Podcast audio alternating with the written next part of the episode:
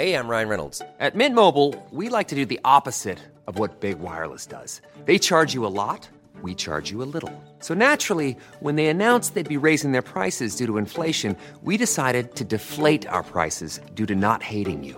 That's right. We're cutting the price of Mint Unlimited from $30 a month to just $15 a month. Give it a try at mintmobile.com slash switch. $45 upfront for three months plus taxes and fees. Promote for new customers for limited time. Unlimited more than 40 gigabytes per month. Slows. Full terms at mintmobile.com.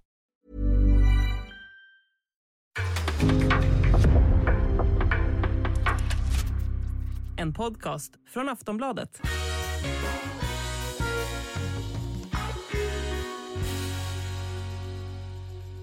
Ja, det blir en lite annorlunda start på det här avsnittet ändå, för precis innan eh, jag klev in i poddstudion här i Stockholm så kom beskedet att en lång landslagskarriär är över. 21 år blev det, 189 landskamper. Nilla Fischer tackar för sig. Med mig så har jag Saga Fredriksson och Per Lagerström från Viaplay. Om vi börjar med dig Saga, vad tänker du om beskedet att Nilla Fischer och landslaget, det är en historia som är slut?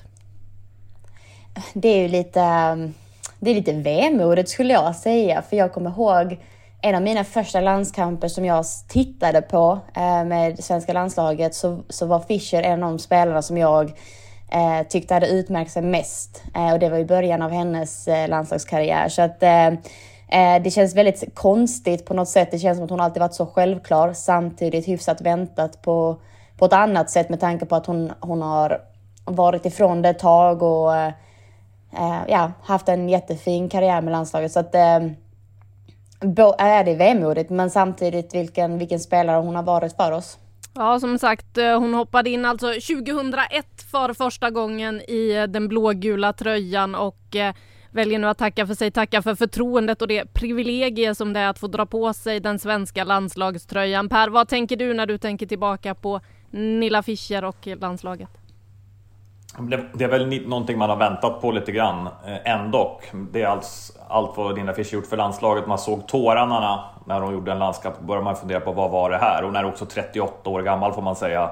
Enorm respekt för att hon spelar elitfotboll och otroligt eh, tacksam för att hon ger tillbaka det till, svensk, till damallsvenskan, till alla Linköping. Hon är också en, en av de bästa spelarna igår på planen. Men kanske ändå att åldern tar ut sig inte rätt och det är en enorm konkurrens eh, liksom, situation i landslaget. Det är tufft för vilken spelare som helst att spela 38 år. Så att, ja, jag tycker vi ska hylla och tacka henne för allt vad hon har gjort.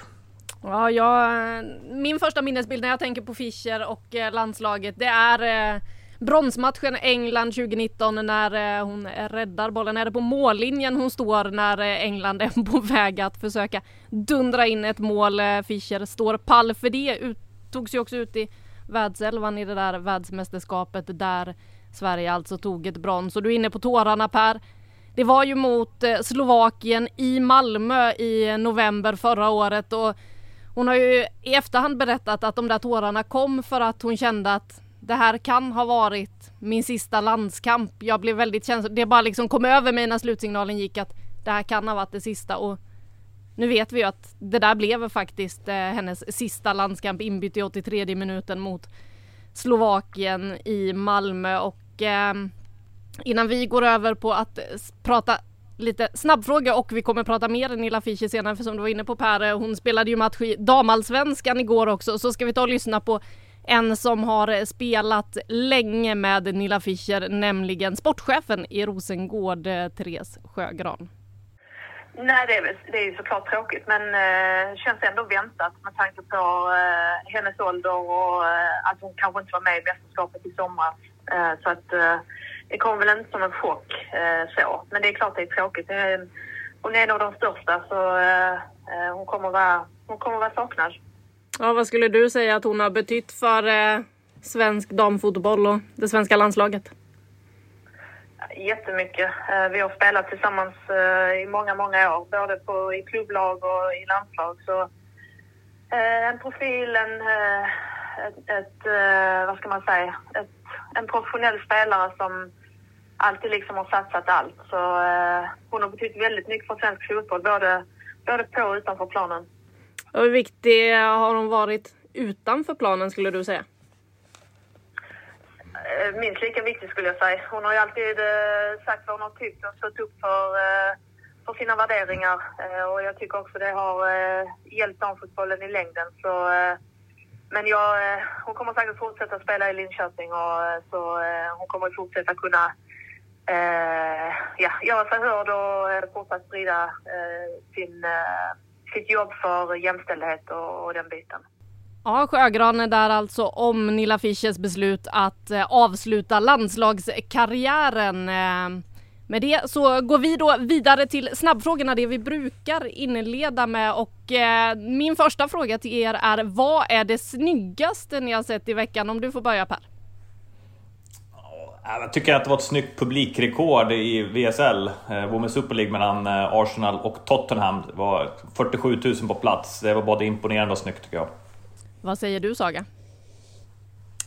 Um, jag tycker att uh, Olga Ahtinens mål igår var otroligt snyggt. Framförallt att hon har lyckats göra två rätt så avgörande mål i, i rad nu så, så håller jag det väldigt högt. Men, uh, men Pers publikrekord känns ju som på något sätt som att det blir lite triumf över, över målet. Men uh, men det, båda delarna var snyggt. Jag gillar publikrekordet likväl snygga mål. Jag gillade målet också. Ja, det där kan man titta om och om igen. Jag frågade Ahtinen om det var det snyggaste hon har gjort i år. Hon håller fortfarande det mot AIK högre. Men eh, var ju inne på att det här kanske var ganska viktigt för toppstriden och den ska vi ju prata mer om om en liten stund. Men om vi håller oss kvar ute i Europa, du var ju där Per på publikrekordet. Eh, men vem vill ni ge titeln veckans svenska ute i Europa? Saga, du får börja den här gången. Eh, nej men där, eh, när man blickar ut, jag tycker alltid att mål som eh, är just avgörande är av lite större tyngd. Så Amanda Nildén uh, som ändå gör det reducerande, kvitterande målet mot Köge i Champions League får min eh, veckans svenska ute i Europa. Mm, per, vad kontrar du med?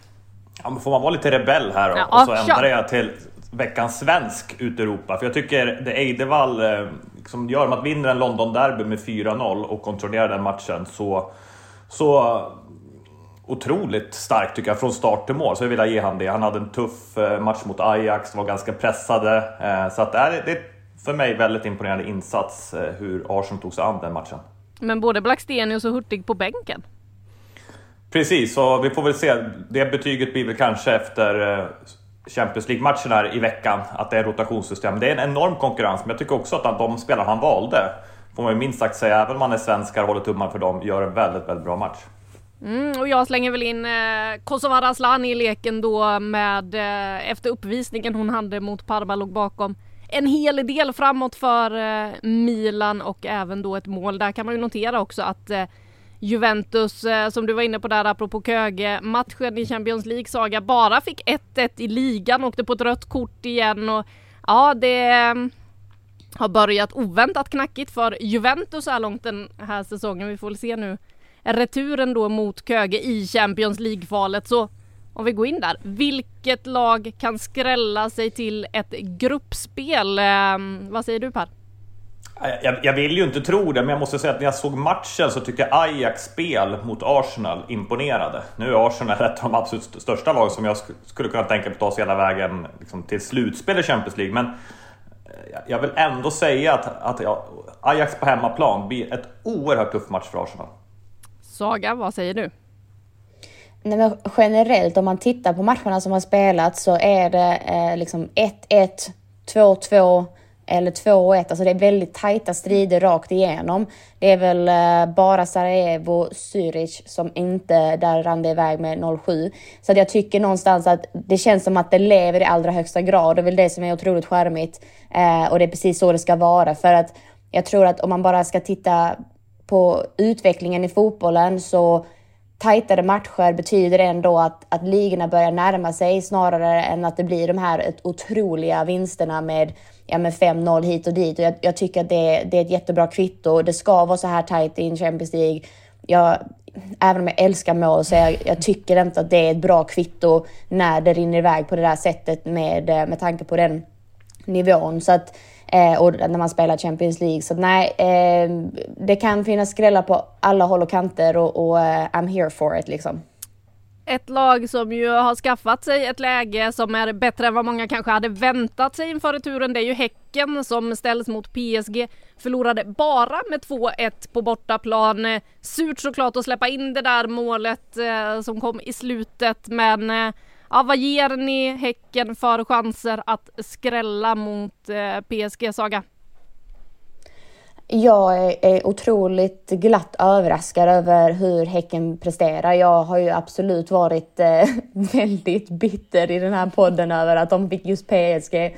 Tyckte att det kändes som en eh, liksom stray way out of it. Men samtidigt så, så jag tycker de gör en jättebra prestation borta.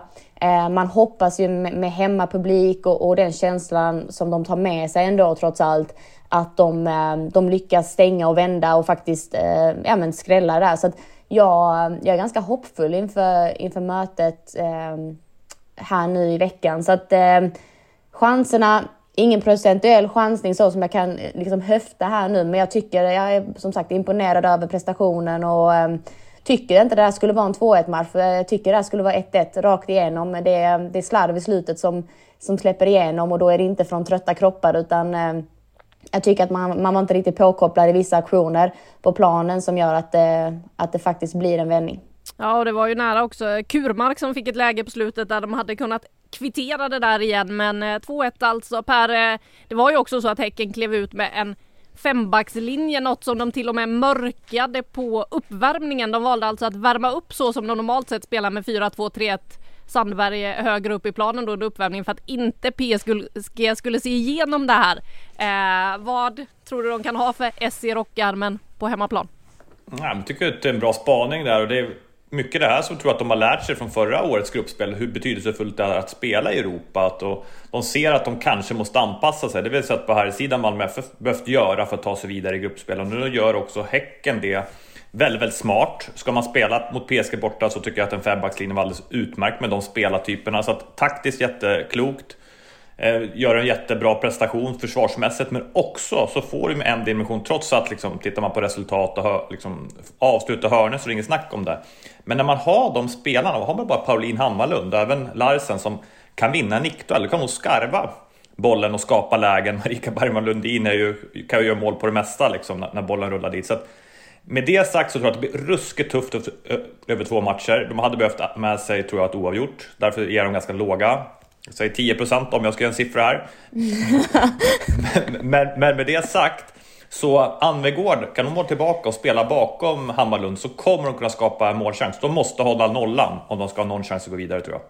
Mm, och tanken var ju att Anvegård skulle ha spelat matchen nere i Paris också men fick kasta in handduken och då in med Bergman Lundin i den positionen. Vi får väl se om hon är tillgänglig eh, nu. Hon var ju inte med i matchen i helgen när man vann mot BP med 1-0. Ehm, så vi får väl se. Ni vet väl förhoppningsvis att ni kan se de här returerna på Sportbladet med eh, plusabonnemang och eh, med de här matcherna så menar jag ju även Rosengård som kliver in mot Brann den första matchen slutade 1-1 och eh, Per om du ska få börja nu då med eh, hur går det för Rosengård mot Brann? Tar de sig till Champions League-gruppspelet? Det första man säger är ju ganska givet ja. Jag tycker Rosengårds avslutning mot Brann sista 20 minuterna är det bästa sättet på tag i Rosengård. De får lite ordentligt tryck, skapade klara målchanser. Men däremot första halvlek betydligt eh, svagare. Har problem att skapa målchanser som de haft flera matcher i i damallsvenskan. Nu har de ju även i damallsvenskan visat hur bra de är på att forcera och har andra spelartyper. Jag tänker på Sanders, tänker på Karin Lundin som kommer in. Så det gör ju att de har fler verktyg i verktygslådan här. Så spontant ska jag säga, ja det här vinner de ganska enkelt. Sen är det det här med att, att ha känslan att, att ta med sig det in. För jag tror att det är fler som tänker så. Att många medier, vi alla runt omkring. Och det är en ganska läskig match att spela på hemmaplan mot Brann. Det gör att de har ganska mycket att förlora. Så att, eh, jag tror att det kommer bli stenhårt faktiskt. Eh, men däremot tror jag att Rosengård drar det ganska stråt för de har fler spelare som de har bredare trupp än Brand just nu. Saga, vad är dina reflektioner inför den här? Hur går det för Rosengård? Det är ju ett uttalat mål att man ska till det där gruppspelet i år. Ja, det är kanske den pressen som gör att, att eh, det, det, kan bli krampaktigt. Nu har man ändå fått känna på det. Det jag ändå vill flagga för är att matchen spelades på gräs. Det är ingen ingenting som någon av lagen var van vid inför. Um, utan både Brann och Rosengård spelar ju på konstgräs. Nu får båda den fördelen uh, på Malmö IP. Så att känslan är väl att, uh, återigen precis, alltså jag bara trycka på det som, som Per säger, att Rosengård har en bredd som um, har visat sig vara otroligt stark över tid. Framförallt att man kan mixtra med laget, skapa förändringar under matchens gång som jag tror blir tyngre än vad Brann kan prestera. Men med det sagt så, eh, vi har sett skrällar förr. Eh, och den här matchen kommer leva i allra högsta grad till slutet. Jag, jag har svårt att säga att den kommer rinna iväg, utan jag tror det blir en tight strid och eh, eh Brann var väldigt skickliga på att försvara sig. Eh, och nu är den här planen på Malmö IP betydligt mindre och eh, kommer göra sig påmint att det kommer vara ännu svårare för Rosengård att luckra upp. Så att med det sagt så är det här exakt det jag efterfrågar. En skitjobbig Champions League-match som det ska vara när man ska kvala in. Ja, det kommer förmodligen vara mycket känslor, mycket kamp. Eh, det blev lite av ett ordbråk också efter den där matchen senast med tanke på Olivia Holts målfirande när hon tystade publiken i Bergen. Vi får väl se vad det bjuder på för underhållning. Det är alltså onsdag 18.00 eh, som den matchen spelas och eh, Häcken PSG spelas också samma kväll. Så håll er uppdaterade på Sportbladet. Det är där ni kommer kunna se matcherna om ni vill följa den här dramatiken och det tänker jag att alla som lyssnar på den här podden borde vilja. Annars vet jag inte riktigt kanske hur ni hittade in hit. Eh, med det sagt så ska vi ta och börja grotta ner oss i dagens ämnen och vi börjar med damallsvenskan för nu är det fem omgångar kvar. Det lever i allra högsta grad både i toppen och i botten. Men innan vi går in i detalj på det där med toppen och bottenstriden så måste vi bara fastna lite i det som utspelade sig igår för det var rejält irriterat på Hammarby IP i toppmatchen mellan Hammarby och Linköping och eh, vi kan börja med att lyssna på vad Madeleine Janogy säger om det som faktiskt skedde. Det är ett drömmål hon gör liksom och vi får inte in den. Vi har tre solklara straffar. Vi har två ribbskott. Vi får bara ta med oss prestationen. Vad säger du om tre solklara straffar? Säger du? Vilka situationer tänker du på? Ja, dels så tänker jag på Kyra som blir, jag är precis i linje med henne som är helt, för mig är det helt, den är helt solklar. Nu har inte sett den i efterhand men jag tycker den är solklar. Eh, sen blir jag helt nerknuffad i straffområdet när jag är först på boll och hon blåser inspark. Alltså det är också så här, då får du ju i så fall döma hörna då. Hon dömer ju inspark liksom, bara hallå! Och första Matilda har något läge där hon blir fälld och så får hon in ett inspel liksom. Och det, kaos var det. Och det är otroligt frustrerande att man eh, att vi inte tar tre poäng. Ja, Janogy här inne på tre straffsituationer för eh, Hammarby. Per, du har tittat eh, lite extra på vad det var som skedde igår. Vad, vad tänker du kring det som utspelade sig på Hammarby IP?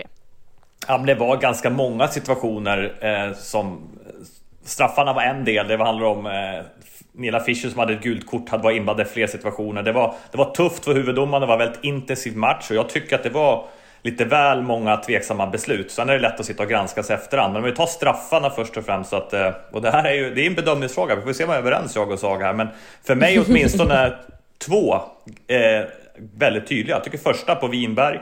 När Fischer träffar henne, man ser på Winbergs kropprörelse att hon tappar eh, tappar tempo och börjar halta. Sen lägger hon sig inte ner. Den, eh, det tycker jag är ett, en, en, kontakt. Och sen tycker jag även Cooney Cross när hon har flyttat bollen i liksom andra halvlek i straffområdet, tar sig förbi Fischer. Man kan se, man kan stanna det så, så är bollen förbi, Cooney Cross är förbi, men Fischers kropp är kvar. Sen landar hon enkelt Cooney Cross, men för mig är de två ganska solklara. Håller du med Saga? Um, Ja, alltså då får vi bara, den med Vinberg, sker inte den utanför straffområdet? Ja, det är väl en bra fråga. Det... För det var min första tanke att det där sker utanför straffområdet. Därav så hade det varit frispark och då håller jag med för jag tycker att det är en, en alltså en, en touch på Winberg när hon springer fram. Sen hade hon förstärkt den och trillat, då hade det fortfarande i min mening varit utanför. Men, eh, men jag låter det vara osagt för det beror ju lite på timing när man stoppar den här videon för nu har jag inte de, vad säger man, eh, ja, jag kommer inte fram till ordet, jag ska säga material. men jag, jag, har inte videon att bara stanna den exakt när det sker, men, men jag uppfattar det som att det sker utanför i alla fall. Eh, så den är jag lite mer tveksam på. Däremot så Eh, det, det, är ingen tvekan på Cooney Cross eh, situationen mellan henne och Fischer. För även om Fischer eh, inte går fullt in på henne så tar hon ett kliv in i Cooney Cross väg och eh, stoppar upp hennes löpväg. Så för mig är den given även om hon egentligen bara står så att det, det ser ut som hon står stilla, Fischer, men, men eh, hon gör ändå en rörelse först initialt in i hennes väg och sen bara upp med armarna. Jag har inte rört henne. Så att jag, jag personligen tycker att det där, eh, det där hade absolut kunnat bli straff. Sen den mellan Lennartsson och Janogy.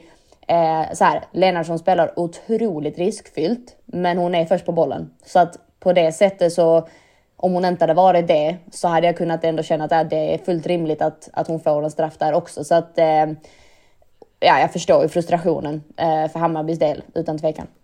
Ja, jag försöker granska bilderna här samtidigt. Jag står och tittar långsamt, långsamt på reprisbilderna på Winberg och Fischer och eh, det är ju precis på gränsen. Frågan är om man inte och sparkar på hälarna där på Winberg precis innanför, men det är otroligt svårt att ja, se. Det var, det var, jag håller med, för det, däremot, det, är två förseelser tycker jag på Winberg. Först är det en tackling som mm. kanske Saga är inne på, så jag håller med, som kanske startar utanför. Jag inte men sen tycker jag också när hon är, och sen kan man bedöma, är det tackling, är det hela förseelsen? Sen fortsätter hon springa och när hon är i straffområdet, då har tacklingen, då ligger hon kvar och så träffar hon där. Så att, nej, men det är klart, en sån kan man också viss, man ska inte säga att den är solklar, jag håller med. Och det här hör vi inte överens. Men Cooney Cross situationen är för mig, precis som Saga inne, den, den är väldigt tydlig tycker jag. Mm. Och för att inte tala om det så har vi även Fischers, hon hade ju även, en sån situation hade ju kunnat rendera ett gult kort, bara den straffen. Men hon har också fler situationer på planen. Sparkar bort bollar, eh, lägger en arm runt en spelare, speluppbyggnad. Hon... Vanligtvis tror jag att Nilla Fischer hade blivit utvisad i sån här match. Mm, vi kan väl bara ta och lyssna på vad Fischer och Janogy säger om just de där varningssituationerna innan du får komma med inspel här Saga kring om Nilla Fischer verkligen borde varit kvar på planen hela matchen eller inte. Hej, jag Ryan Reynolds. At Mint Mobile, we like to do the opposite of what Big Wireless does. They charge you a lot, we charge you a little. So naturally, when they announced they'd be raising their prices due to inflation, we decided to deflate our prices due to not hating you. That's right. We're cutting the price of Mint Unlimited from $30 a month to just $15 a month. Give it a try at mintmobile.com slash switch. $45 upfront for three months plus taxes and fees. Promo for new customers for limited time. Unlimited more than 40 gigabytes per month. Slows. Full terms at mintmobile.com. Jag tycker det är, jag tycker det är piss att jag, ursäkta, jag tycker det är dåligt att jag ska inte ha första varningen. Eh, jag får den för att hon säger att eh, hon vill lugna ner spelet. Och jag förstår inte varför ska jag, varför ska jag straffas för att så. så att, eh, och jag vet inte vilken den andra är av det när jag den bollen jag spelade till André eller vilken, jag vet inte vilken nej, den andra, när, när de tycker... med Janogy. Nej herregud, det är inte heller. Det är samma där, hon puttar mig som jag puttar henne när jag får första varningen. Så det är liksom inte, tycker absolut inte det var varning på den. Jag tycker inte det första heller. Första gula hon får, det är exakt samma situation i andra läget. och då är det så här, det är precis samma situation, varför ger du gult i första men inte gult i andra situationen? Det är också så här, hallå, vad, vad, mer, vad mer ska man göra liksom? Så att det kändes, idag var det för mycket fokus på domaren tycker jag. Och så ska det inte vara. Eh, men sen får vi verkligen ta med, jag gillar inte att prata om domare och så, men jag tycker att vi gör en sjukt bra prestation. Så det känns otroligt tufft att, att åka på den här förlusten. Ja, men det är en tuff match idag. Mm. Det är kul att spela och samtidigt är det, det är alltid farligt när man får, får gult kort och liksom få ett andra. Men jag fick... Eh, Andreas sa till mig att jag skulle lugna mig så fick jag väl göra det lite. Känner man det att man har ett gult? Ja, och ibland, ibland inte. Idag kände jag inte det för jag kunde inte riktigt... Eh, jag var, jag var lätt irriterad idag. Eh, och så kände jag väl också att jag visste inte riktigt vad jag hade, vad jag hade i domaren. Eh, så att sen är det mer, i vanliga fall tänker man på att typ, gå ifrån situationerna direkt. Och nu hade jag någon där jag kanske inte gjorde det. Så att, eh, eh, ibland så hjälper inte rutinen. Mm, delade meningar där mellan Fischer och Janogy, men vi har ju båda inne på det här att eh, det är svårt att veta var nivån ligger. Det är svårt att veta hur man ska förhålla sig och eh, som Nilla är inne på att eh, då räcker inte ens erfarenheten när man inte vet. Eh, vad säger du Saga, skulle Nilla Fischer haft mer än ett gult kort i den här matchen och är det så att det första verkligen är gult? Hon själv tycker ju inte att det där borde varit ett gult. Nej, eh, det första är inte gult. Eh, på sin höjd en frispark. Eh, det andra är absolut gult. Hon tar, vad heter den, halv-Nelson, nej men hon drar ju Janogy över halsen och sen släpper, alltså grejen med Fischer är ju med hennes rutin. Hon kan göra någonting på gränsen och sen släpper hon precis när hon vet, alltså hon, hon är väldigt skicklig på det och det är liksom det är, inte, det är inte fult men det är samtidigt spelförstörande så att för mig är det, det är gult. Eh, sen är det en ytterligare en situation där hon faktiskt sparkar bort bollen och det är fördröjande av spelets återupptagande enligt min lilla lagbok. Ni vet att jag följer den. Jag älskar dig och din lagbok. Mm. Och, eh, och då är det gult. Så att eh, jag tycker Fischer kommer undan lindrigt igår. Eh, sen, men jag måste ändå säga, alltså det har med timing att göra. Hon, hon, alltså i positiv bemärkelse, för hon vet att hon kan spela på gränsen Eh, och utnyttja vissa vinklar tror jag eh, med sin skicklighet på grund av det. Sen, sen eh, tycker alla att det är jobbigt att spela mot en spelare som, som tar till lite tjuvknep.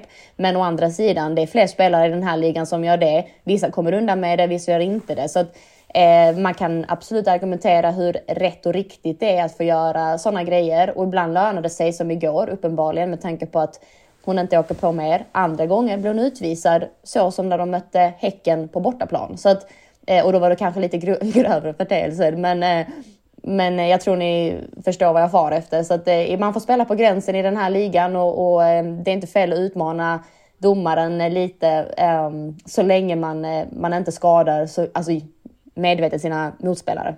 Men, håller med. Ja, så är, hur, eller håller med, hur kan man säga åt eller emot någon som har en sitter med lagbok? Det är omöjligt. Hon är ju järnkoll Fredriksson här. Men, så jag håller med, det första ska inte vara gult kort. Men nu, är, nu blev det ju gult kort och det är här jag tycker det stora problemet är.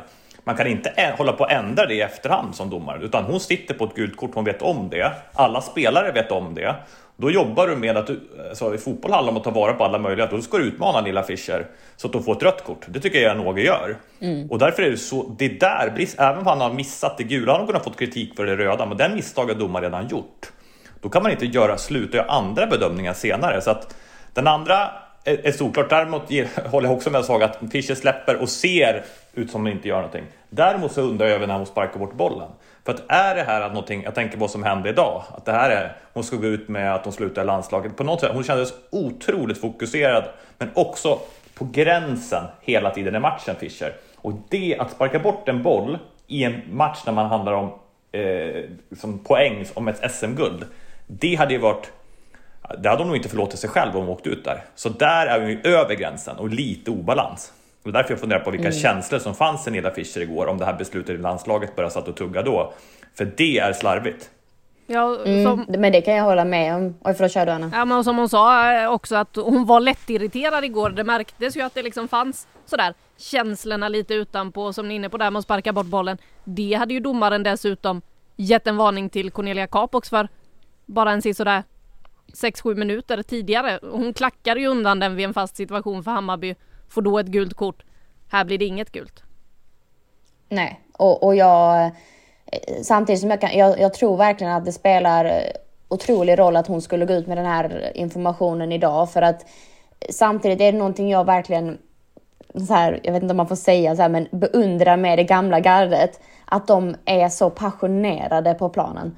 Jag kan tycka ibland att, att det inte finns tillräckligt med känslor på planen när man ser, ser vissa lag spela. Jag, jag tycker det hör till fotbollen, jag tycker det hör till matchen. Man får brusa upp och det är faktiskt domarens jobb att hjälpa till att hitta nivån i det. Och, och precis som Per är inne på, hon får ju inte kompensera sina beslut eh, utefter ett första misstag, utan då får man ju stå sitt kast i nästa och säga att ah, det var kanske första var lite för enkelt, men det här är liksom två, tre grejer som, som eh, byggs upp och, och då, då måste hon vara modig i sina beslut. Jag tycker inte hon är det riktigt igår. Eh, men att Fischer kanske spelar lite över gränsen där i slutet och tappar huvudet. Ja, alltså det hör också till, men jag tycker med hennes rutin och allting som står på spel så är det klart det hade varit otroligt eh, trist om inte de kunde använda henne i matcherna framöver på grund av, av de besluten. Men kan det rent av vara så att eh, man klarar sig undan om man har ett namn som domaren känner igen? Att Nilla Fischer är en spelare som man vet vem det är? Får man fördelar av det? Oh, laddad fråga Anna. Jajamän, det är därför jag ställer den till er. Eh, jag... Eh, jag vill ju inte tro att det är så, men jag tror ju ändå att det finns Alltså så här, jag tror att med stora namn så, så finns det en större marginal för att domaren lyssnar eller tar till sig innan de tar beslut till exempel. Um, medans Alltså man vet ju så här, i, om jag bara går över till herrallsvenskan, det finns vissa spelare i Malmö som mycket väl har en lupp på sig för att domaren vet att de filmar till exempel lite oftare än andra de har det med i sina förberedelser och samma sak är det ju för domarna i damallsvenskan som, som jobbar med de spelarna hela tiden. De har ju koll på vem som ligger på gränsen och vem som ja, men, har en tendens att brusa upp eller tappa huvudet och sådana såna bitar. Det är en del av deras upp, eh, ja, eh, förberedelser inför matcherna. Så att på det sättet så, så borde de ju samtidigt också vara påkopplade kring de bitarna. Men det är väl klart att om man har den pondusen som vissa spelare har. Eh, ja, som sagt, jag vill inte tro det, men jag, jag, tror det ligger någonting i det att man får, man får större felmarginal än vad kanske man får annars. Håller du med Per? Ja, det, det gör jag. Jag tänker så här att jag man kan inte säga att det, all, att det är så i varje givet tillfälle. Men att det sannolikt sker är jag helt övertygad om. För att det är också mm. därför Boje Sörensen säger till domaren flera gånger. Kalle ska inte Fischer få till Gud. Det gör hon med den rutinen. För hon har gjort det så många gånger. Hon vet att om jag har sagt till en domare tillräckligt många gånger. Då är det lättare att ett gult kort åker ut. Det kan vara så. Det är också att titta på Fischer. Hon vet hela tiden. Från första gula. Det var felaktigt men hon pratar hela tiden. Så att hon försöker ju påverka domaren. Så det betyder inte att det behöver ha gjort det. Men över tid så absolut. Är du en, den pondusen som Nilla Fischer har och den erfarenheten så blir det svårare för domaren att ta sådant beslut. Ja, det går att diskutera den där eh, domarinsatsen en hel del som ni märker och det var heta känslor i det här mötet och som vi var inne på tidigare.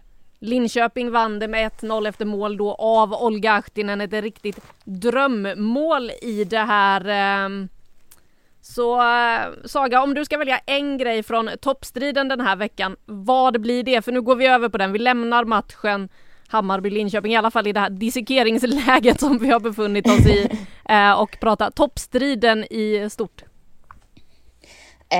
Um, alltså jag är så löjligt imponerad över Rosengård, um, hur man...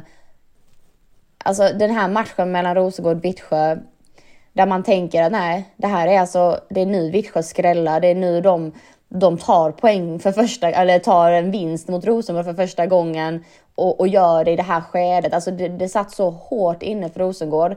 Men jag, jag jobbade den matchen och, och jag, jag underströk så många gånger att jag tror inte Rosengård kommer ändra någonting. De kommer spela på exakt samma sätt hela vägen in. Och det är exakt det som händer. Eh, de har sån löjlig tillit till sin metodik och man hör även Slegers prata om det eh, i efterhand i intervjuer att vi vet att målen kommer. Och eh, lik förbaskat är det exakt det som händer och att, att det är just eh, Supersub Sanders som kommer in och Rebecca Knack som vänder den här matchen ihop. Alltså det är, det är löjligt starkt. Alltså jag, jag kan inte nog understryka hur starkt det är. Jag tror också Slegers har gått ut och sagt eh, att att eh, de gör flest av sina mål i sista kvarten. Alltså de har statistik på det. Och det är också intressant att det är för att de, de har inte bråttom. De har inte bråttom att avgöra matchen tidigt utan de vet om att det, det är i slutet som, som lag blir trötta och det är då också som eh, chanserna fortsätter att, att eh, bjudas på och så är de otroligt effektiva då. Så att, eh, hatten av bara. Ja, vad säger du Per om det där dramat som ändå utspelade sig i eh, Skånederbyt och eh, som du är inne på Saga, det är ju otroligt imponerande att man lyckas vända det där när man dessutom är inne i ett så tufft matchande som man är och har kniven mot strupen i CL-läget också. Man vet ju att man måste plocka tre poäng i damallsvenskan för alla slår alla och ja, herregud, det är tajt där uppe. Vad, vad tänker du Per? Ja, jag tänker dels som Saga är inne på, så väldigt imponerande liksom, Dels tycker jag återigen att man har den plan B och, och vilka, hur spelarna som kommer in agerar. Sanders som ibland inte ens varit med i truppen men alltid gör ett hundraprocentigt inhopp. Och att man har en idé. Det, bollarna kommer också in i boxen när de kommer in. Så att man måste ju träna på det där. Jag är imponerad över deras forceringsfas, Rosengård. Eh, också tror jag att det här är väldigt viktigt för dem som lag. Man har nästan sett det efter matchen hur, de liksom, hur viktiga de här poängen var. Att när du har tappat mycket och allting inte går, det är de här matcherna som kan svetsa samman det här laget. Så var de favoriter innan eh, så är de för mig ännu större favoriter till guldet med den här prestationen. För det gör att de båda har med sig mentalt och de har växt tror jag, ihop väldigt, väldigt starkt. En sak som eh, imponerar på mig eh, i toppstriden det är ju det faktum att eh, Linköping kliver ut i en så tuff match som det var igår, får med sig tre poäng. För de vet ju i det här läget också att okej, okay, nu har vi spelat, eller Häcken har spelat, Kristianstad har spelat, Rosengård har spelat, alla har gått in och vunnit sina matcher. Vi måste också göra det och eh, det, visst, det satt väl en bit in det här och Hammarby gjorde ju en väldigt fin prestation, en mycket bättre match än i vårmötet när det kändes som att de mer var statister i början av det mötet. Men här kommer man ut, bjuder upp till kamp och Linköping vet att ja, men vi måste få med oss tre poäng om den här guldstriden ska leva, om vi inte ska sacka efter, om vi inte ska släppa in Häcken för mycket i eh, Champions League-spelet. Eh, det tycker jag är eh, imponerande av Linköping. Ja, och där kan man också, tänkte, jag var inne på det i början, vill jag också ge dem beröm för att varför de är med i guldstriden, förutom deras offensiv hela säsongen, så håller de nollan den här matchen. Alltså det är situationer med Nilla Fischer i spetsen, vi också hylla henne, hur hon och den trebackslinjen inte släpper till någon enda situation. Hammarby släpper in 1-0, de har sju spelare bakom bollen, Kone Cross ska pressa Ahtinen, hon gör inte det. Då blir det en situation, visst ett drömmål. Men Linköping är hundraprocentiga, så att där där, där vill jag bli imponerad över att de har den rutinen. Det är väl det som tala för dem lite grann. Eh, men med det satt tufft schema nu med tredje tuffa laget igen med Häcken. Men eh, jag vill bara poängtera att där är Fischer-gänget eh, hundraprocentiga. Därför vinner de matchen. Mm, det blir roligt att se vad som händer i toppstriden eh, helgen som kommer där alltså Linköping då har Häcken på hemmaplan. Rosengård, de har en bortamatch mot KIF Örebro och Kristianstad, de ska till Eskilstuna och eh, möta United. Vi får väl se hur eh, det ser ut efter den här omgången. Sen väntar ju då ett landslagsuppehåll som vi kommer komma in på alldeles strax. Men Per, eh, bottenstriden den lever ju också i allra högsta grad. Eh, vad tar du med dig från den här veckan när det kommer till bottenstriden? Ja, egentligen att, man kan vara, eh, att den kommer leva tills de möter varandra, ska jag vilja påstå. Och man kan sitta och göra världens analys här, men, eh, och just nu tyder på vissa saker, men allting kommer ju handla om när något av de här lagen får tre poäng, eller till och med två gånger tre poäng. Så att just nu tycker jag trenden är att AIK, väldigt svårt att skapa målchanser. BP sitter ihop betydligt bättre. Fick hade tre raka utan förlust. Det är klart att det är en väldigt positiv trend för BP. Umeå många, många förluster även fast de spelar ganska bra. Men det liksom, då, då har jag tippat förut att kanske BP liksom, kommer kanske klara det här, men de borde inte göra det. Men sen vet vi att Kalmar, visst de var, alltså så det går inte att analysera. Allt handlar om hur de möter varandra och vilket lag som kommer att gå för att ta tre poäng. Då. Det får inte bli en oavgjord match när de möts. De måste liksom gå för det där. Och det är omöjligt att tippa på i, i, i dagsläget, eh, skulle jag säga. Så att, för det finns, det finns, eh, nej, det kan Saga få göra. Jag tycker bara att det kommer att avgöra sig i, i några matcher där. Det, det kommer, vi kommer att ändra oss, vill jag säga, nästan varje omgång in. Tills, kanske att det avgörs sista omgången Kalmar-AIK där, eller AIK-Kalmar. Ja, vi har ju en match redan nu i helgen då Saga. Brommapojkarna IFK Kalmar, hur slutar den? alltså schyssta ni Jajamän! uh, du, du är nej, glad att alltså... du får vara alltså- med här va? Jag älskar det. Men, eh, men Brommapojkarna, Kalmar, det är så här, helt enig med att det kommer handla om, om mötena mellan dem. Eh, så här, Brommapojkarna kommer undan med 1-0 mot Häcken. Alltså det är starkt, det, det är bra. Eh, det tyder på att man har ett försvarsspel som funkar. Eh, kan de lösa det mot Kalmar och eh, alltså egentligen använda samma medel mot Kalmar som Kalmar använder mot alla lag, att ställa om, då är jag inte helt övertygad om att Kalmar går hem med någon seger där, utan jag tycker Brommapojkarna har spottat upp sig här på hösten och gör rätt så goda prestationer. Så att, men eh, att sitta här och tippa känns ju helt omöjligt, så det kommer jag inte ens göra. Jag kommer inte ens ge mig in på det. Men, eh, men att den lever i högsta grad eh, är bara att understryka. Ja, det ska bli intressant att se Djurgården AIK också när det gäller bottenstriden. Det är inte så att Djurgården har rosat marknaden efter sommaruppehållet. Eh, kan bli en intressant match på Stockholms stadion, även den då nu till helgen innan landslagsuppehållet. Men innan vi ska gå över på det så är det ju inte bara striderna i toppen och botten som eh, pågår i den här serien. Det är tuffa tider ekonomiskt i hela samhället, det vet vi. Det är också väldigt tufft för flera av klubbarna i den här ligan. Vi har ju sett Eskilstuna där spelarna varit ute och behövt hjälpa till och tigga om pengar i kampanjer och nu senast så är det Umeå som larmar om att eh, det går tufft ekonomiskt. Man står lite på ruinens brant och vacklar. Per, vad tänker du om den krassa verkligheten som är just nu? Jag, jag tänker att det är ett jätte, jättebekymmer. Vi har, vi, har, vi har pratat om det många års tid. Det har varit jobbigt att spela i damallsvenskan. Det är svårt att kostnaderna ökar i klubbarna generellt betydligt snabbare än intäkterna. I vilken organisation eller företag som helst är det väldigt alarmerande. Alltså, det är givet, tycker vi, alla som liksom brinner för damfotbollen och någon form av jämställdhetstänkare, att alltså, det är klart att kostnaderna måste öka, lönerna måste upp, det måste professionaliseras, det är självklart. Men, men om inte intäkten hänger med, för det är det som sker här. Det, det, ser man också om man tittar på analysen som görs av Svenska fotbollsförbundet på klubbarna. Det är ett jätte, jättebekymmer generellt. Visst, det kommer att hjälpas till lite. De här storklubbarna kommer upp. Norrköping har liksom lag där och det, Hammarby kan få in sin, sin eh, lag i den stora omsättningen. Då är det inte lika känsligt. Men för de liksom klassiska klubbarna, Umeå IK, Även Eskilstuna United som har lett utvecklingen för damallsvenskan. Örebro har också gått ut och reviderat sin budget. Då är det för mig jättebekymmersamt. Och det här måste ta på allra största allvar, för det finns en parameter till nu. Vi är in, på väg in i vinstarbete, men allting tyder på att vi är inne i en lågkonjunktur. Där bolags vinster går ner, sponsringen behöver, kommer sannolikt minska. Hur ska damallsvenskan klara sig då? Så att det här tror jag måste utredas på allra högsta allvar. Liksom alla berörda parter, klubbarna såklart, EFD, eh, eh, e Elitfotboll Dam, även Svenska Fotbollsförbundet tror jag måste vara med och liksom sättas ner ihop. Och såklart ett antal bolag som vill göra skillnad även för damfotbollen. Så att, jag tycker att det är ett jättebekymmer och just nu så finns det ingen ljusning. Och att man bör både analysera situationen och sätta en tydlig plan framåt. Jag ser inte riktigt den planen just nu. Saga, hur orolig blir du kring det som sker? Nej men såklart jätte, för att det är det känns som att man, man liksom lite så springer i motvind hela tiden och spelarna som, som man tycker förtjänar så otroligt mycket.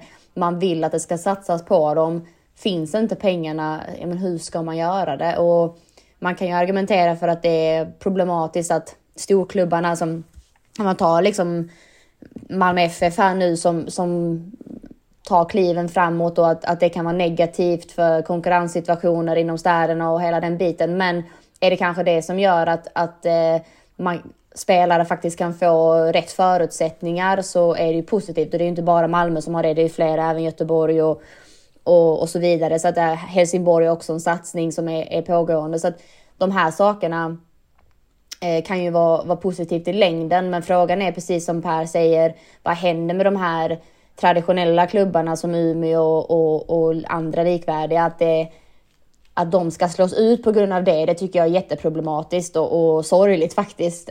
Um, så att kan man hitta någon slags middle ground så hade det varit fantastiskt.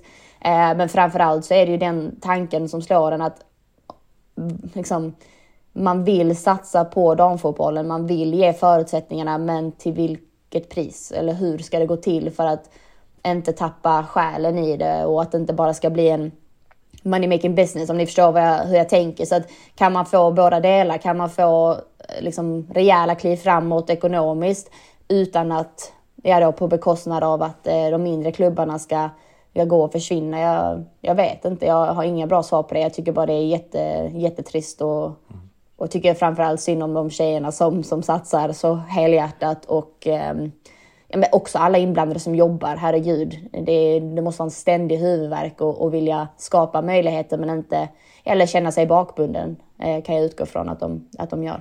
Det, det, finns ju ett par, det är en jättestor svår strategisk fråga som de måste sätta sig ner och prata om. Det finns några kortsiktiga åtgärder som kan vara väldigt viktigt. Vi var inne på det Champions League-matcherna, att svenska lag tar sig in i Champions League-gruppspelet, att Rosengård Häcken har det tuffare, men gå in och få de här fem miljonerna som det säkras upp med vinst i playoff där inne. För då kanske en, en förening som Rosengård eller Häcken kan börja köpa spelare, precis som gjorde Häcken köpte eh, Sandberg i säsongen. Får de mer pengar kan de köpa fler spelare. Då får klubbarna, då kan man med en bra ungdomsverksamhet och bra verksamhet sälja spelare till topplag. Det är en viktig detalj, så det kan ju ske ganska snabbt om vi har om svenska lagen lyckas. Den andra delen är vi också, vi har ju däremot, vi har pratat om publikrekord i England, publikrekord i EM, vi kommer åt VM, tror jag den kanske största någonsin. Där måste man ju påverka organisationer som Uefa, Fifa, kanske se att TV, liksom pengar från de stora kommersiella kan gå ner till utbildningsbidrag så att man kan bedriva ungdomsverksamhet, för det är Sverige otroligt bra på, och många klubbar väldigt bra på. Så att man får tillbaka när pengarna, när spelare blir proffs, så att det inte bara är övergångssummor, det också blir utbildningsbidrag. Så att Ja, många frågor, många bäckar små, men behöver göras en justering snabbt för att just nu är det extremt alarmerande. Ja, och eh, risken är väl att eh, utvecklingen är på väg åt det hållet som Saga är inne på, att flera av de här där man har en stark herrförening är lag som kommer att ta över mer och mer. Det är ju den utvecklingen vi ser ute i Europa på många håll. Det var väl också det som en sån som Alexandra Popp var inne och tryckte på att det måste nästan bli så i Tyskland om de ska i längden kunna konkurrera med de stora ligorna. Att de klubbarna där som har varit drivande för damfotbollens utveckling, deras tid kanske är över hur hårt och tungt det än må låta. Vi får väl se var det här tar vägen, men som sagt, det är många klubbar som går tufft. Vi får se vad man gör åt det och eh, om svensk fotboll kliver in här och genomlyser det hela. Det är en stor fråga som vi stänger för idag. Jag är ganska säker på att vi kommer att återkomma till den här i podden och även på Sportbladet framöver. Eh, nu ska vi gå över till landslaget, för det är ju så att eh, Peter Gerhardsson under onsdagen ska ta ut en landslagstrupp. Vi ska därför inte spekulera så mycket i exakt vilka som kommer vara med i den och inte, för det finns ju risk att en del lyssnar på det här avsnittet efter att den där truppen redan finns på papper. Men eh, vi ska prata lite om det här med speltid, för eh, just nu så spelar ju det svenska herrlandslaget Nations League. Det har blivit en debatt kring det här med den bristande speltiden som utlandsproffsen i herrlandslaget har, att det är ett problem en faktor bakom det tunga året som herrlandslaget har bakom sig. Men hur ser det egentligen ut på damsidan då? Saga, kan det här bli ett ännu större problem för Peter Gerhardsson nu i takt med att allt fler spelare väljer att gå utomlands?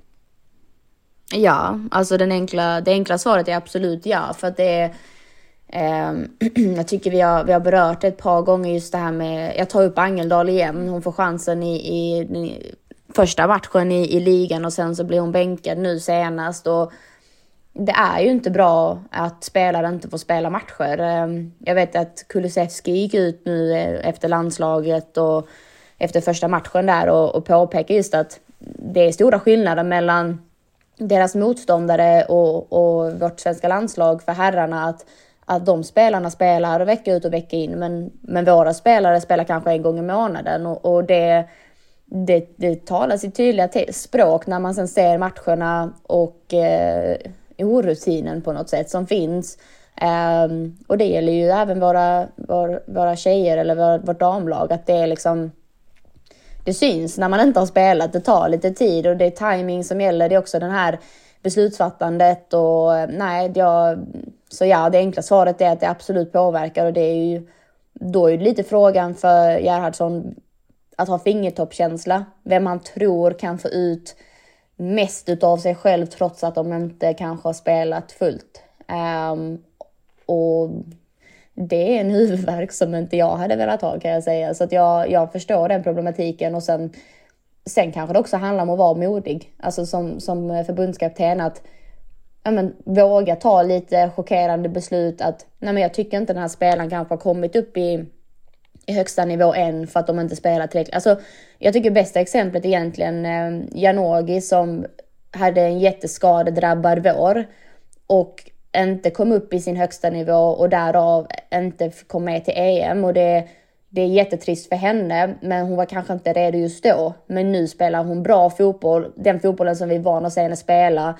Eh, väldigt initiativtagande, aggressiv, springer mycket nu är hon där hon ska vara för att vara aktuell för landslaget och det har hon också blivit premierad för. Så att jag tycker det är helt rätt att man vågar ta de besluten och jag tycker det borde ske oftare. Sen ska man inte ändra för mycket, men man måste också våga eh, ta in de som är hetast. Det var väl också en sån som Filippa Kurmark som var inne på att det var en av grejerna som hon tänkte på i samband med att hon valde att förlänga med Häcken istället för att ge sig ut, eh, ut i Europa. Det här med speltid, vikten av att veta att man har förtroende och dessutom i hennes fall då bli, fått ansvaret som lagkapten där eh, det kanske gjorde det ännu lite enklare att vara kvar i en klubb som satsar. Men Per, hur ska spelarna tänka i sina klubblag då? Vad tänker du? Jag tänker att man måste, det är lite olika per, per spelare tycker jag beroende på hur, hur lång tid man suttit på bänken. Eh, Saga Lemmer Angedal, hon har ju faktiskt hade ju problem förra året och haft problem nu. Det börjar bli för länge för henne. Hon måste ju såklart få speltid och det har även setts effekt i landslaget. Kanske tittar man som Rytten Kanu som precis kommit till Chelsea och har inte riktigt fått chansen. Då kan det vara, hon kan ju växa av att få träna i en sån miljö åtminstone en säsong. Där kan hon ha lite mer tålamod.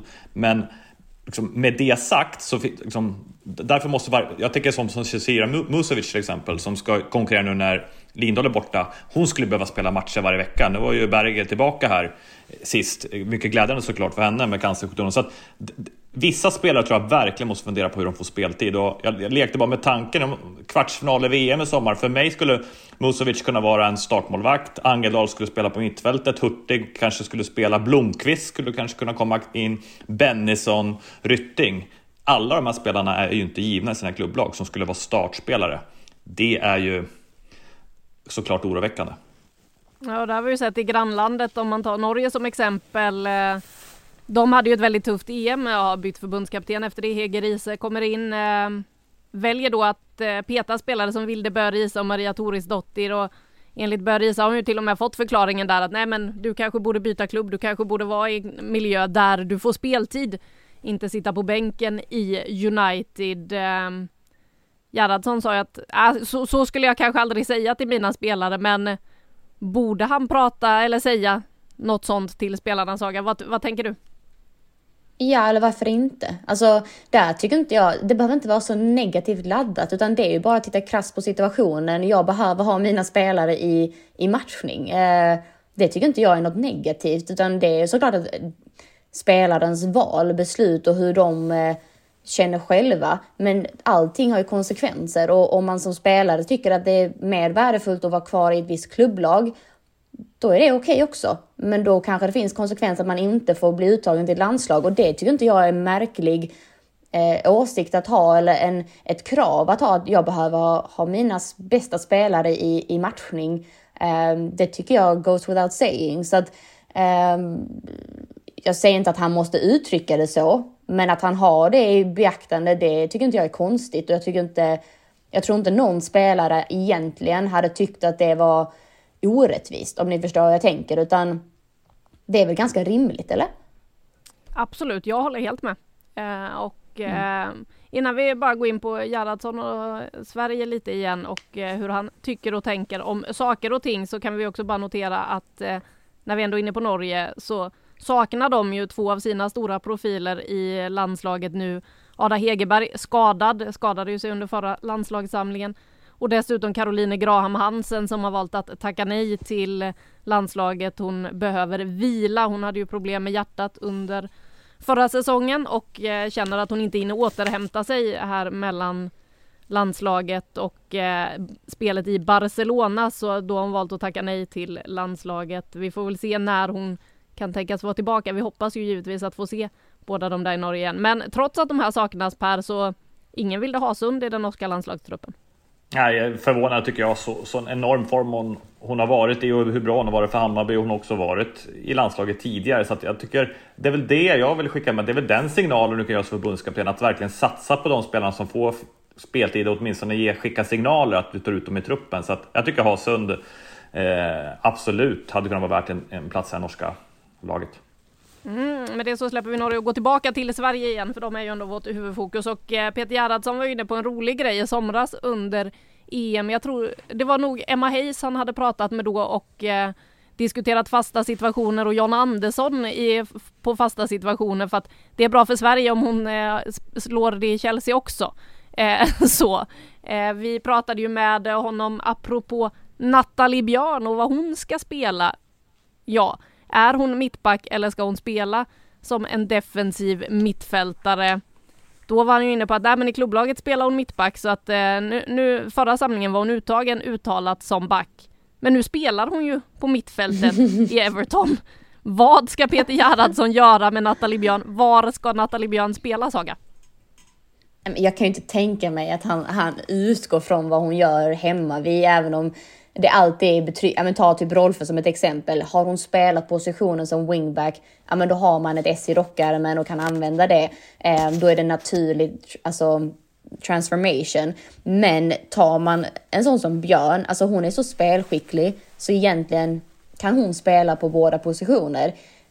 Jag tycker hon är bäst som mittback personligen ehm, och, och, tycker hon ska få möjlighet att konkurrera på den positionen där.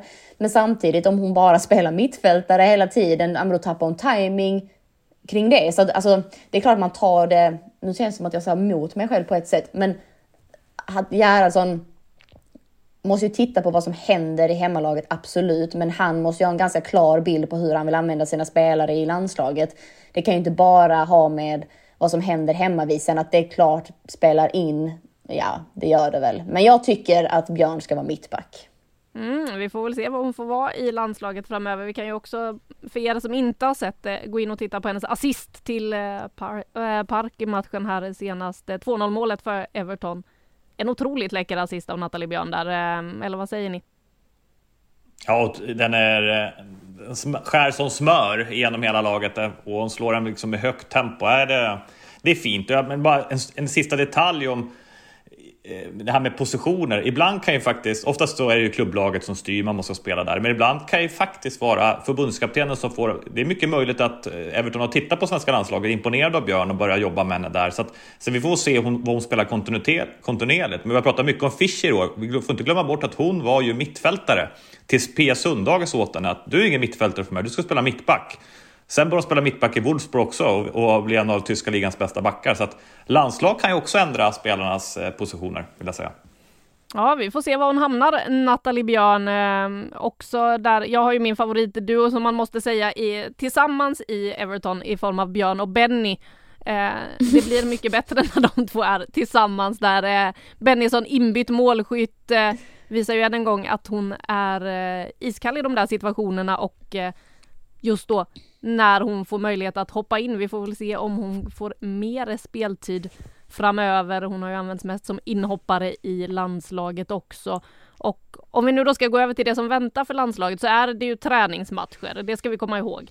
Det är eh, Frankrike hemma på eh, Gamla Ullevi. Men innan det så ska ju Sverige då ner till Spanien och där är det kaos.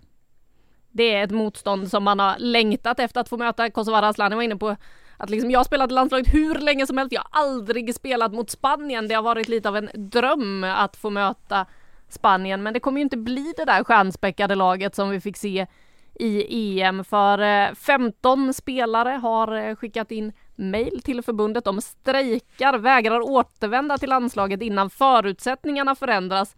Samtidigt som förbundet nu då hälsar att nej men ni är inte välkomna tillbaka för ni har bett om ursäkt. Saga, va, vad tänker du om soppan i Spanien? Framförallt är jag otroligt förvånad över tonen som har skett mellan förbund och spelare. Eh, jag har ändå följt den här soppan som vi kallar det ganska länge nu och, och eh, från början kändes det mer som att, att kaptenen hade tagit ton och någonstans försökt förmedla lagets mående. Att man som förbund inte tar det i beräkning och, och ser det som någonting positivt att en spelare kommer dit och försöker förklara så här mår laget, hur ska vi kunna bli bättre? Vad jag förstår från vad spelarna kommunicerat så har man inte sagt att man tycker att, att förbundskaptenen ska bli sparkad. Däremot uttryckt att det är för många som inte mår bra i hur saker hanteras i nuläget. Där måste man ju 2022 kunna ta till sig det och försöka hitta en lösning som passar alla parter. Om de nu verkligen vill ha kvar den tränaren, ja men då behåll den, men hitta ett sätt att, att förmedla däremellan. Eh, jag tycker tonen har varit under all kritik från, från det spanska förbundet, hur man har pratat till sina spelare lite som att ni, ni är bara produkter och, som vi använder, ni är ingenting. Alltså, det, det, det har jag väldigt stora problem med. Eh, tycker spelarna från, från vad jag har läst och sett hanterat det väldigt snyggt. Eh, och sen måste också verkligen säga att det är modigt att bara sätta ner foten och säga men vi vill inte vara en del av detta. Ehm, jag tror inte att alla hade vågat det. um, riskera någonting så viktigt som en, att vara uttagen i landslaget. Uh, det är en dröm för de flesta fotbollsspelare så att uh, jag tycker det är, det är otroligt coolt uh, måste jag säga och jag verkligen beundrar människor som vågar ta ställning för sådana saker. Eh, framförallt när det handlar om, om mående och att kunna prestera på högsta nivå. Eh, så när jag är egentligen bara otroligt chockad över hur det hanterats och också så public, eh, vad heter det, publikt, att man har varit så öppen med det utan att det faktiskt har varit en färdig diskussion. Alltså vi vet ju själva hur, hur det är med svenska landslaget. Vi får ju fiska och, och, och, fråga och fråga för att få, få veta liksom, startelvan i princip. Eh, det är liksom ingenting som sipprar ut som är så, utan det känns som att saker hanteras bakom stängda dörrar som det bör för att skydda alla parter och att det faktiskt ska kommuniceras på rätt sätt. Det tycker jag inte spanska eh, federationen har lyckats med. Ehm, och jag vet inte var det gått fel, men, men kommunikationen har i alla fall in, den var brist, eh, bristfällig. Du låter lite som Kosovare Asllani också tycker jag när du är inne på det här med att man ser dem som produkter. Det var ungefär ganska exakt så som hon uttryckte sig i samband med att hon mm. sågade Real Madrid vid fotknölarna i samband med att hon flyttade. Och det är ju så om man tittar på vilka spelare som har valt att eh, skriva under det här mejlet, mejla in till förbundet efter att då som du var inne på, det här har ju legat och bubblat under en längre tid, alltså det bubblade redan innan EM. Det, och sen så har det ju kommit upp än mer till ytan efter eh, Irene Paredes, lagkaptenen, var ju den som fick gå ut och frontade i första läget i form av rollen som lagkapten. Men sen så skickades då det här mejlet och det är ju framförallt Barcelona-spelarna som eh, har skrivit under det här. Eh, det kan man ju se att eh, ett helt gäng stjärnor där saknas som jag menar man vill ju se Bonmati. Vi, nu får vi inte se henne mot Sverige eh, förmodligen, för de lär väl inte hinna lösa det här innan nästa vecka med tanke på tonläget. Eh, så eh, Per, hur mycket sämre blir det här spanska landslaget med tanke på vilka spelare det är som faktiskt saknas och som man inte lyckas komma överens med, som man inte lyssnar på?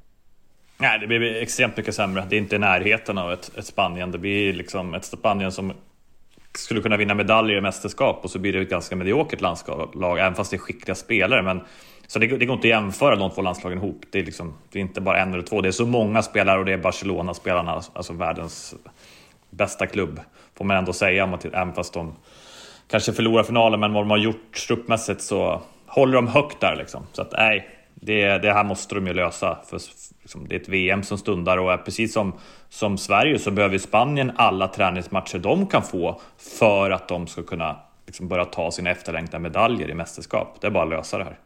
Ja, frågan är hur de ska lösa det. Det kändes ju också som att, eh, för först när man diskuterade då de här mejlen som hade skickats in så var man ju inne på att eh, Ja men Paredes som lagkapten hade inte skickat in det där och eh, Putellas fanns inte heller med men att det då fanns förklaringar som att Ja, Paredes tyckte hon hade frontat i första läget och var tydlig med vad hon tycker och Putellas hon är ju faktiskt inte uttagningsbar på grund av att hon är skadad så att det, hon behövde liksom inte tacka nej till landslaget i nuläget men de har ju visat att eh, de backar upp spelarna här så Sagan, när tror du vi ser en lösning på det här? Jag ställer alla de svåra jag, frågorna till dig Ja, det är precis, jag får alla de goda frågorna idag. Nej, men jag ska se lite här. Spåkulan Nej, jag vet faktiskt inte. Vad sa du? spåkulan. Ja, eller hur? Nej, jag, jag, tror tyvärr att det här kommer vara en längre process. Samtidigt vill bara understryka, jag tycker det är mäktigt när människor vågar stå upp för vad de tycker och inte behandlas dåligt, trots att man lägger mycket på spel. Och eh, det får aldrig kvävas. Alltså jag, jag tycker att det, de är de är förebilder på så många sätt, inte bara på planen, men hur, hur de vågar stå upp. Och det behöver inte alltid vara så att de har rätt, men att man vågar säga vad man tycker, trots att man har mycket på spel, det, det är alltid eh, beundransvärt. Eh, jag tycker hela situationen är absurd. Och det, får, alltså det, det här ska inte få ske 2022. Jag, jag, jag är i chock, ärligt talat. Så att, eh, som Per sa, lös det. Mm, en bra sammanfattning där skulle jag vilja säga. Jag stryker under på det du säger. Ehm, och med det hörni, så ska vi faktiskt eh, börja runda av det här avsnittet. Men det sista vi ska göra det är att dela ut 5 plus och vi kommer att sluta det här avsnittet där vi började. Vi kommer att avsluta det med Nilla Fischer som får 5 plus för sin landslagskarriär och eh, som jag var inne på, det här beskedet kom precis innan vi eh, klev in i den här studion. Eh, under tiden så har det ju då väldigt in kommentarer på sociala medier där eh, Nilla Fischer hyllas. Eh, Fridolina Rolfö skriver vilken fantastisk karriär du har haft. Tack för alla minnen. Zecira Musovic eh, hälsar till sin moster Nilla. En fantastisk landslagskarriär kommer till sitt slut. Grattis Sverige för dina år. Pernilla Harder skriver legend. Magdalena Eriksson, vilken legend du är. En sann förebild och inspiration för mig och många andra. Tack för allt. Hatten av för en av de största skriver Lisa Hurtig, tidigare då Lisa Lantz som spelade tillsammans med eh, Fischer i Linköping. Och ja, det bara väller in hyllningar till Nilla Fischer. Så ja, vi säger väl också hatten av eh, och eh, tack för alla år i landslaget Nilla Fischer. Du får fem plus i podden den här veckan och hörni, jag tackar så hemskt mycket för att eh, ni har varit med också Saga och Per. Tack själv! Tack och bock! Det blev en podd till slut efter enorma teknikhaveri så ja, producent Julia Karlsson kommer också ha en del att göra idag. Tackar så hemskt mycket för att hon tar hand om oss, stöttar oss och ser till att det här kommer ut till slut. Jag eh, som sitter här i studion heter Anna Rydén och eh, tackar framförallt som vanligt dig som har lyssnat hela vägen hit. Vi hörs igen nästa vecka.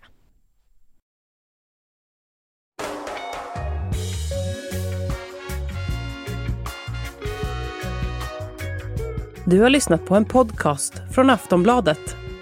Ansvarig utgivare är Lena K Samuelsson.